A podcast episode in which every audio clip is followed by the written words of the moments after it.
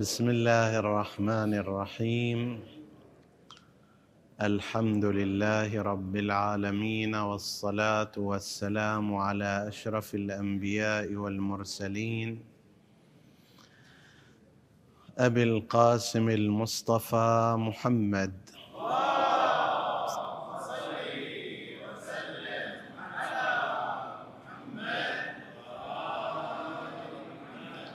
وعلى أهل بيته الطيبين الطاهرين المعصومين المكرمين.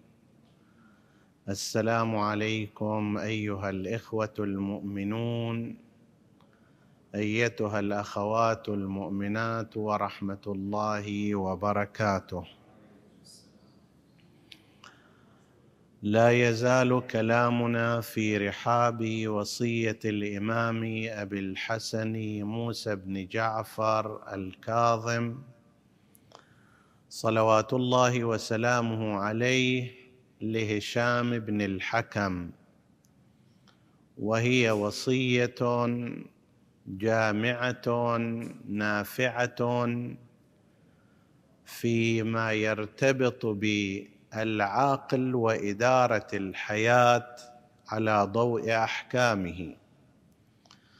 ووصلنا إلى هذه الفقرة التي نقلها إمامنا الكاظم عليه السلام عن أمير المؤمنين صلوات الله وسلامه عليه فقال كان أمير المؤمنين عليه السلام يوصي أصحابه فيقول أوصيكم بالخشية من الله في السر والعلانية والعدل في الرضا والغضب والاكتساب في الفقر والغنى وأن تصلوا من قطعكم وتعطفوا على من حرمكم وليكن نظركم عبرا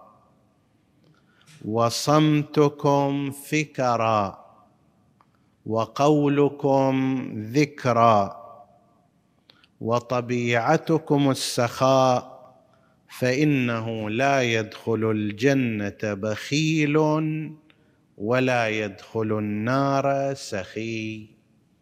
صدق سيدنا ومولانا أبو الحسن موسى بن جعفر سلام الله عليه. ذكرنا فيما مضى أنه أحيانا ينقل الإمام شيئا عن عن آبائه مع أننا نعتقد أن مقام الإمام ليس مقام الراوي وإنما هو إمام مستقل.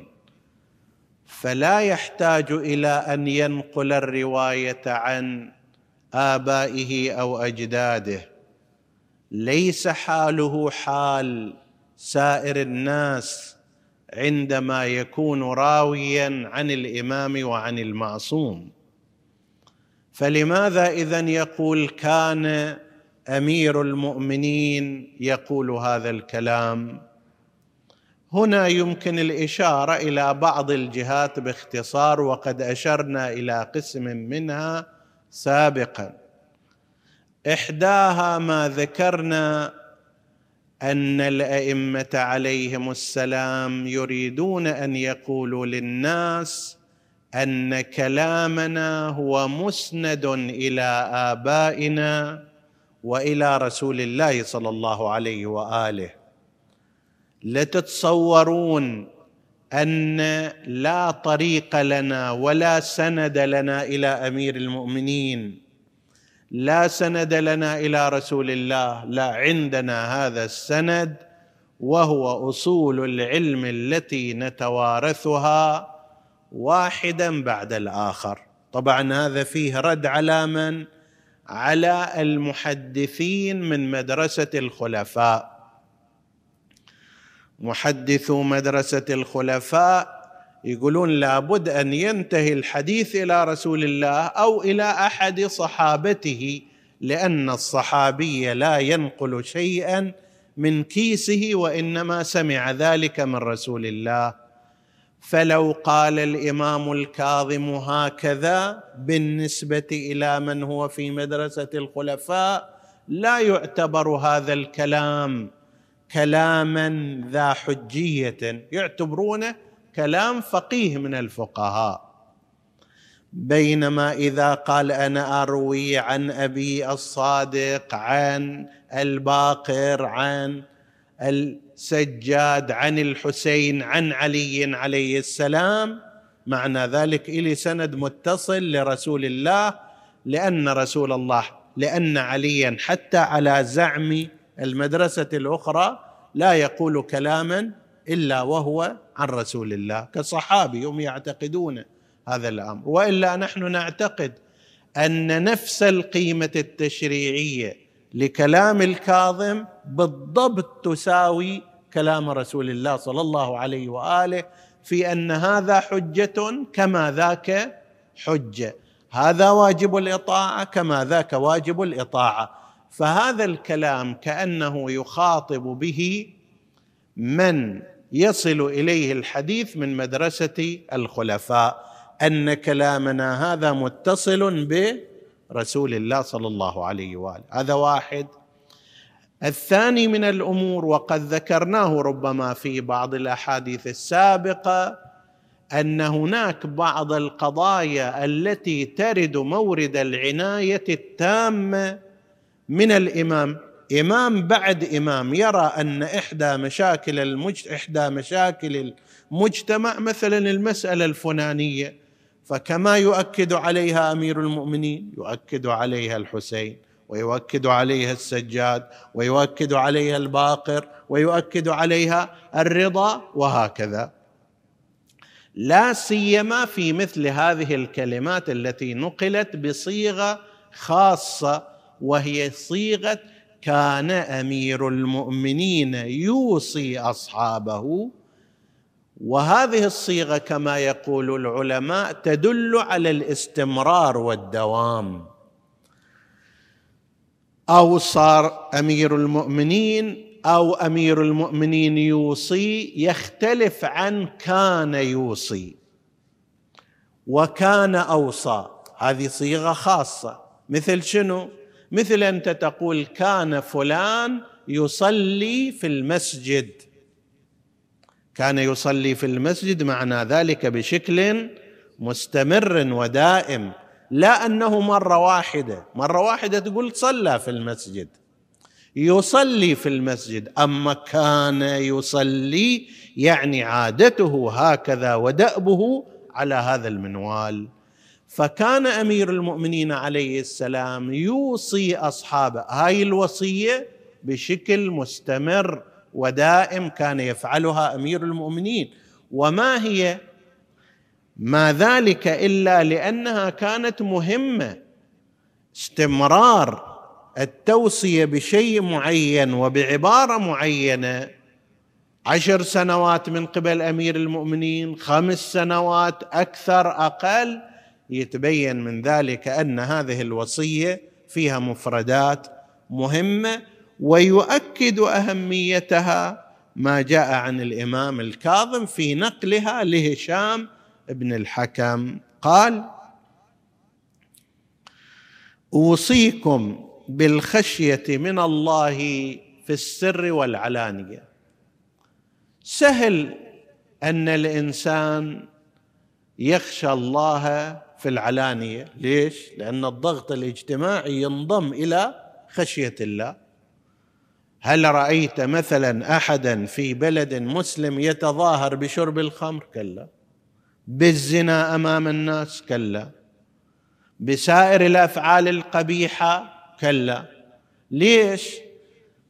هذا حتى لو عنده عشرة في المئة فقط من خشية الله لكن أكو ظرف اجتماعي ضغط اجتماعي تسعين في المئة يخليه ما يسوي هذا أمام الناس. هذا جارة وذاك يعرفه باكر يطلع اسمه وصورته والعقوبة المترتبة عليه.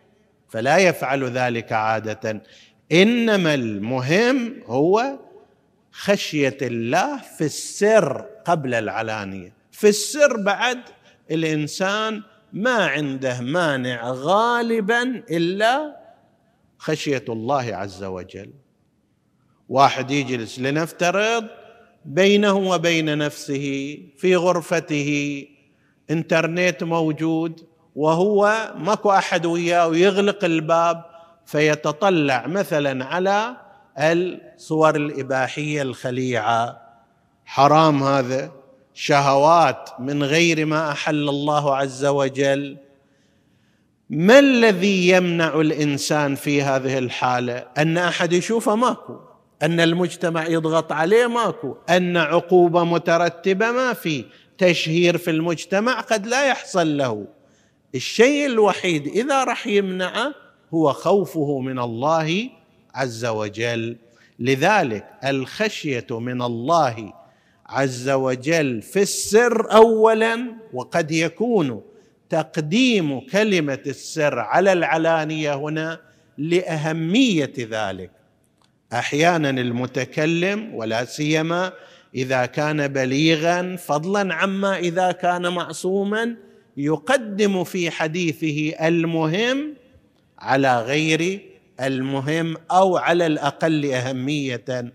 فقد يكون من هذا الباب قال الخشية في السر لأهميتها.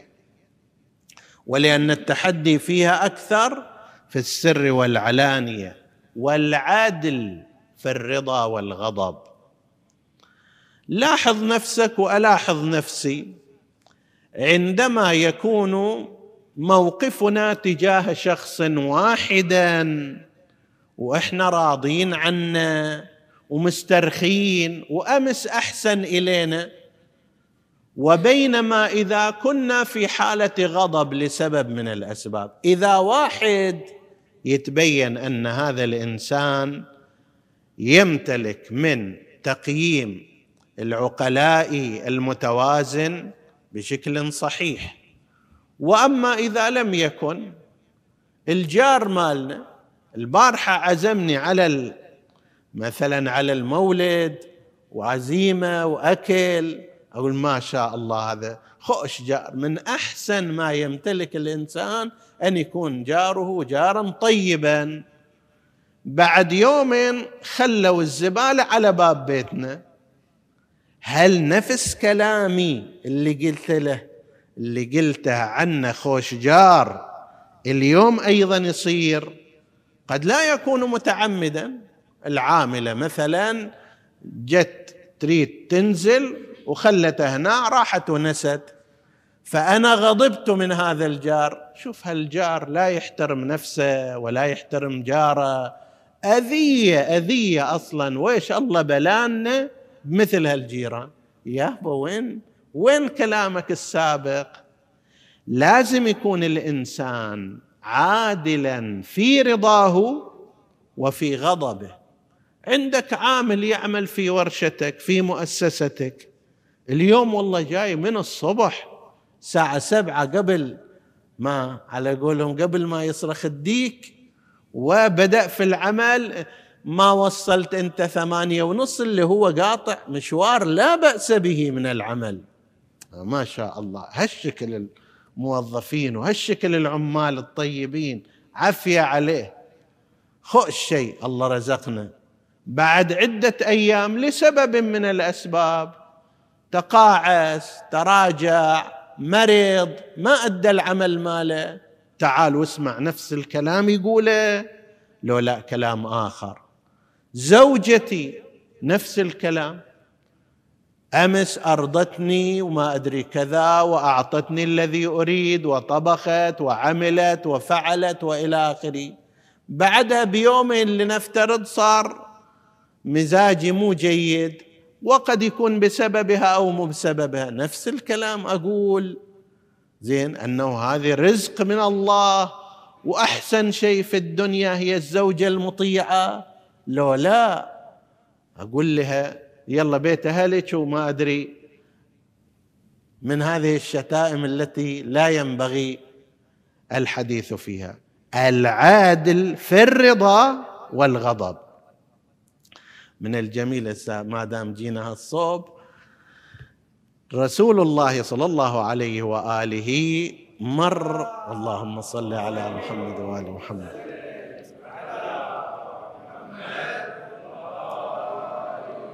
مر على جماعة من النساء. وهذه من الموارد الظاهر اللي نسميها قضية في واقعة. يعني مو بالضرورة يكون إليه امتداد زماني. فقال لهن أكثركن يدخل النار. يا رسول الله ليش؟ قال لأنكن تكفرن العشير. عشير يعني الزوج. تعيش معه دهرا يعطيها ويمتعها والى آخره. حتى إذا فد يوم من الأيام قصر عليها أو نقص فيها قالت ما رأيت من وجهك خيرا. ما شفت من وجه يوم اللي شفت وجهك شفت النكد وشفت الكذا. يابا هاي عايشة عايشة وياه مثلا ثلاثين سنة. طول هالمدة كرامة وإكرام وإلى آخره. الآن لأنه ما سوى هالشغلة الفلانية صار ما شفت من وجهك خير. وقد يكون بالعكس ها يعني قد يكون أيضا الزوج بهذه الطريقة. الزوجة طول هالسنين هاي تضحي وتعطي و وإلى آخره وفد يوم من الأيام ما سوت. أنا وش اللي دلاني بيت بيتكم حتى أروح؟ أخطبك والله يلعن ذاك اليوم اللي تعرفت على أخوش في الشغل وعلى هذا المعدل. العدل في الرضا والغضب. إذا أنت فعلا تريد تقيس نفسك بهالميزان شوف أحكامك على الآخرين. هذا أقرب شيء ها؟ أقرب شيء قيس أحكامك على الآخرين. هل هي في مستوى واحد متوازن متعادل؟ طول الوقت. لو لا وقت اللي يرضيني أرفعه فوق السماء ووقت اللي يغضبني أدوسه بالحذاء كما يقولون. والرضا والعدل في الرضا والغضب والاكتساب في الفقر والغنى. اكو قسم من الناس هذا هم يفيدنا فد معنى قل خلاص أنا عمري ستين سنة الحمد لله عندي رصيد في البنك ويجيني راتب تقاعدي. وش لي الشكل أروح أجند الرأس بالأرجيلة والسهرة وإلى آخره. لا هذا ليست حياة صحيحة. اكتسب حتى وأنت غني. ما تريد تروح على العمل العادي اللي كنت تروح إليه من الصباح إلى بعد الظهر سوي لك كسب آخر. ومجال ثاني فإن عليا كان يوصي بالاكتساب مو بس بالنسبة إلى الرجل الفقير وإنما بالنسبة إلى من؟ الغني أيضا. أنت غني كشخص وسع على أرحامك. أنت غني كشخص في أمورك المادية. تعال اعمل خيرات اعمل مبرات. ما دام عندك طاقة وعندك قوة وعندك قدرة حتى إذا كانت أموالك فائضة عن حاجتك لا تترك الاكتساب. تقاعد فد نظام جعل من قبل الأنظمة السياسية والإدارية لأغراض كثيرة ما علينا منه بس أنت كشخص فإذا فرغت فانصب. تفرغ من شيء ابدأ في شيء آخر. تتقاعد من عمل وظيفي روح وراء التجارة وأمثال ذلك من الأمور. وأن تصلوا من قطعكم وتعفوا عمن ظلمكم. أن يصل الإنسان من يصله هذا عادي. تجارة هذه. زارني مرة ازوره مرة. سلم علي أسلم عليه. لكن المستوى الأخلاقي مو هنا. المستوى الأخلاقي أن تصلوا من قطعكم. ما يزورني أروح أزوره. يهجرني أذهب إليه. يترك السلام علي أسلم عليه. وأن تعفو عمن ظلمك وتعطفوا على من حرمكم. كلها في سياق واحد. لا يكون تعاملك في حياتك في القضايا المعنوية تعامل تجاري. يعطيني اعطيه سلم علي أسلم عليه. عفى عني مرة أعفو عنه مرة. لا المستوى الأخلاقي إذا قصر معي أحسن إليه. ظلمني أعفو عنه قطعني أزوره وهكذا. وليكن نظركم عبرا وصمتكم فكرا وقولكم ذكرا وطبيعتكم السخاء.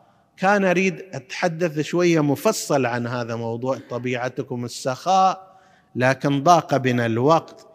ما راح نخلص الحديث ها الآن ولكن راح نضطر إلى اختصاره. وطبيعتكم السخاء. شوفوا هذا التعليل. فإنه يعني لأن لماذا ينبغي أن تكون طبيعتكم السخاء؟ فإنه لا يدخل الجنة بخيل ولا يدخل النار سخي. هذا من أعجب الكلمات حقيقة الأمر.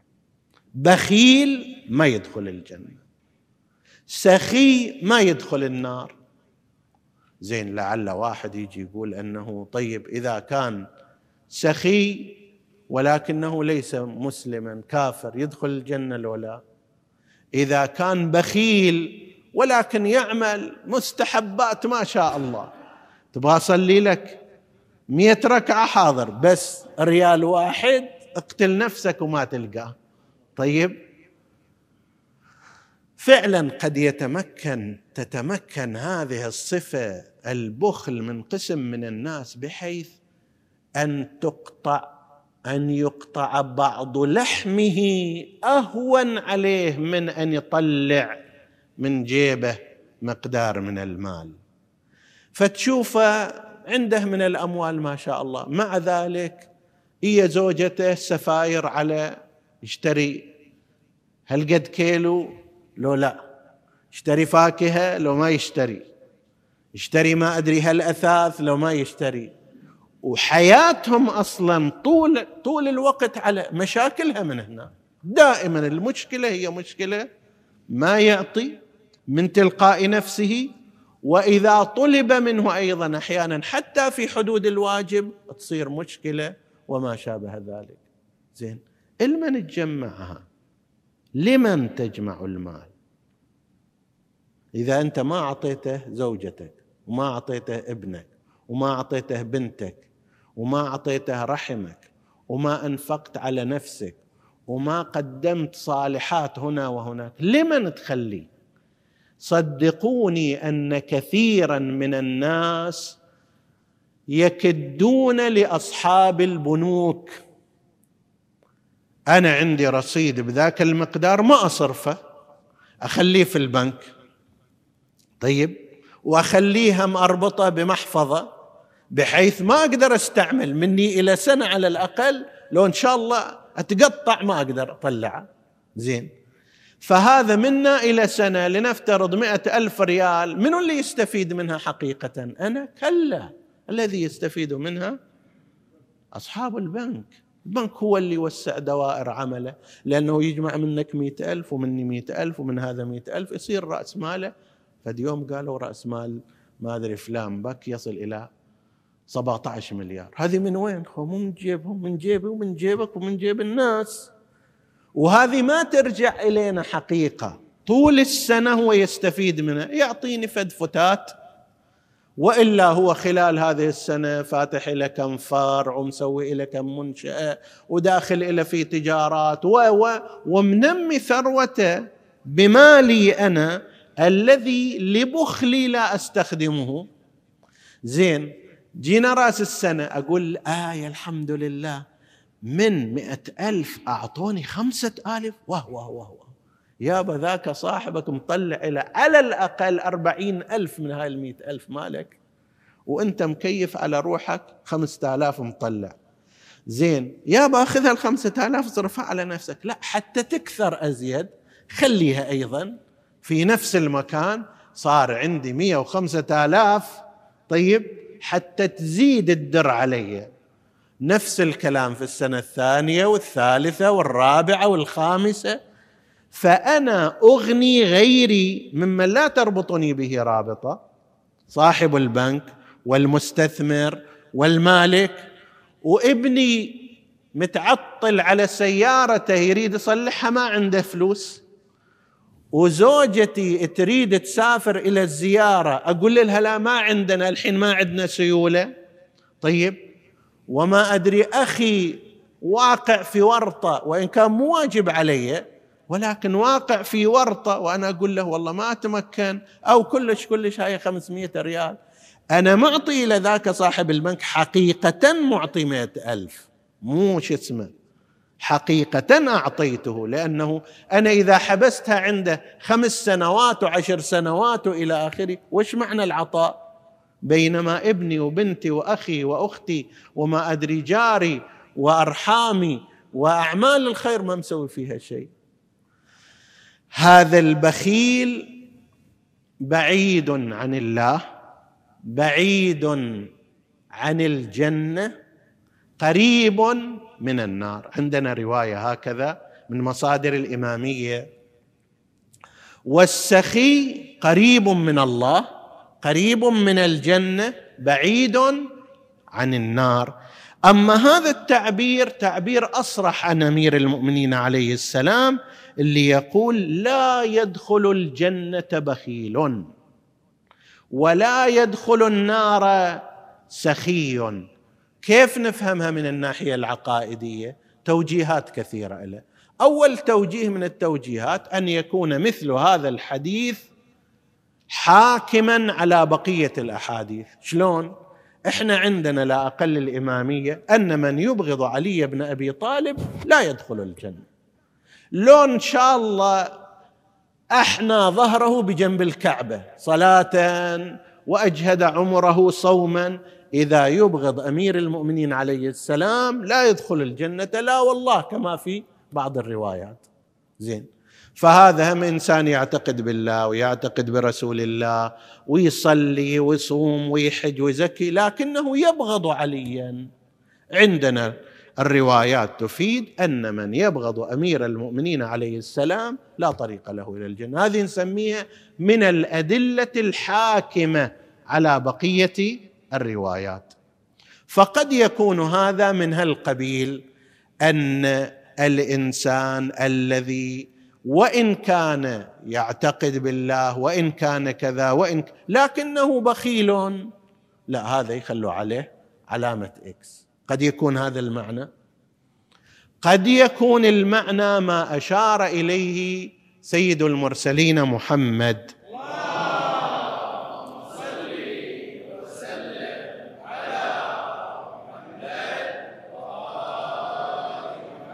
في قصة في السخاء وأشار إليه القرآن الكريم في قصة في البخل. أما قصة القرآن الكريم فقصة ثعلب ابن حاطب الأنصاري كان فقيرا جاء إلى رسول الله قال له يا رسول الله ادعو الله لي حتى يرزقني مالا. قال له يا حاطب على وضعك الموجود أنت أحسن لك ما تتحمل الفلوس. قال يا رسول الله مليت وتعبت وما أدري كذا ادعو الله يرزقني مال دعا الله له جاءت إليه غنمه بدعوة رسول الله بورك في هذا الغنمة صارت خمس والخمس صاروا عشر. طبعا ذاك الوقت بعد طلع كان يعيش في المسجد فقير طلع برا في المدينة. صار عنده قطيع من الأغنام ما تتسعهم المدينة فطلع إلى البادية تعرب بعد الهجرة. زين ترك المدينة. المفروض الأعراب لازم يجون إلى المدينة هذا عكس الاتجاه. نزلت آية الزكاة وعنده من الأغنام ما شاء الله. فجاء المزكي يقول له ترى نزلت آية عن الله خذ من أموالهم صدقة تطهرهم وتزكيهم بها وأنا جاي لك من رسول فغضب. قال هذه جزية؟ كيف نعطي من أموالنا؟ ما صار هذا ولا يصير وهذه جزية وهذه على الكفار. إحنا مو كفار إحنا مسلمين. لا عمي هذا هالنعمة العظيمة اللي عندك بدعوة رسول الله. خمس أغنام فيها وحدة. هل مقدار هذا من الإبل في هالمقدار من الأغنام في هالكذا. أنت عندك الآن عشرات ما قبل. قال بعدين خلينا نشوف. مر علينا فيما بعد. النتيجة القرآن الكريم يقول فأعقبهم نفاقا في قلوبهم إلى يوم يلقونه بما أخلفوا الله ما وعدوه وبما كانوا يكذبون. يابا نعمة ربك بدعوة رسول الله. جاي لك يقول لك هذا واجب شرعي زكاة. ترفض هذا؟ فجره بخله إلى فأعقبهم نفاقا في قلوبهم إلى يوم يلقونه هذا البخل وش يسوي ويا ذاك الإنسان؟ السخاء ماذا يصنع؟ طبعا هذا أمر طبيعي. يعني لماذا لا يدخل الجنة بخيل؟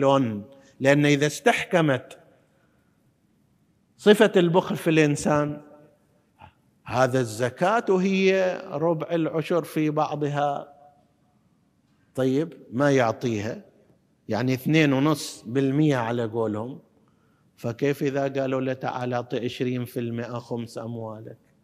يابا أنت الآن مشتغل صار لك كذا في الشركة وأعطوك هذه المبالغ المجمعة نصف مليون. نصف مليون خمسها مئة ألف. هذا مثله يعطي مئة ألف؟ أكيد لا. ذاك الوقت يقول أكو بعض المراجع يقولون أصلا الخمس مو واجب. زين؟ يابا أنت تقلد مرجع يوجب الخمس. إي صحيح ولكن بعض الوكلاء إحنا ما ندري كيف يصرفون هذه الأخماس ولعله يأخذونها إليهم. طيب أنت روح أخذ هذه الأموال وديها إلى المرجع سلمها بإيده. لا هنا قضية البخل تتمكن من الإنسان فتمنعه من الطاعة. قسم كبير من أعمال الاسلام هي فيها جانب مالي. فإذا الإنسان لا يستطيع لبخله أن يدفع طيب ماذا يصنع مع هذه الواجبات؟ آنئذ لا يدخل الجنة بخيل لأنه لا يؤدي الواجبات المالية لتمكن صفة البخل من نفسه. هذا لا يدخل الجنة بخيل وفي المقابل لا يدخل النار سخي.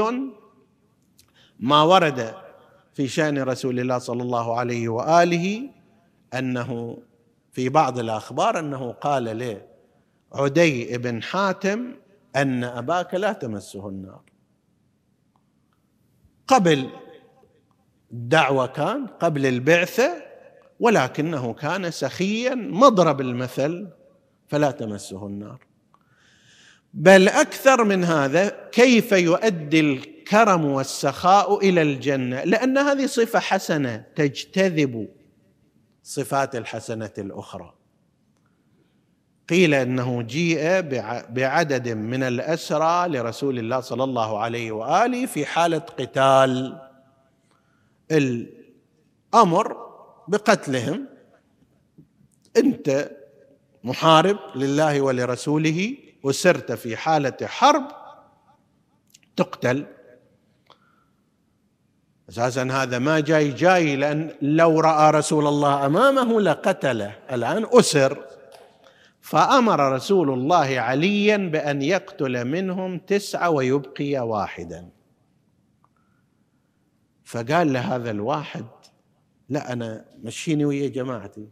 بس ليش استثنيتني؟ قال لأن الله أخبرني أنك سخي جواد. قال ربك أخبرك بهذا؟ قال بلى قال أنت صادق. ما ما يعرفه ولكن الله أخبره بهذا. أنت صادق أشهد أن لا إله إلا الله وأن محمدا رسول الله.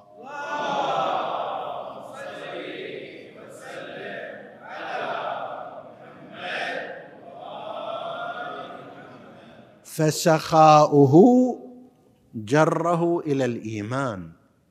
مثل ما بخل ذاك جره جره إلى النفاق ومثل هذا البخيل لا يعطي الواجبات الإلهية المالية يجره إلى العصيان وبالتالي إلى النار. هذه الصفة السخاء والجود تجر الإنسان إلى الجنة. نسأل الله سبحانه وتعالى أن يكتب لنا ولكم ولجميع من يسمع جنة الله ورضوانه. إنه على كل شيء قدير وصلى الله على محمد وآله الطاهرين.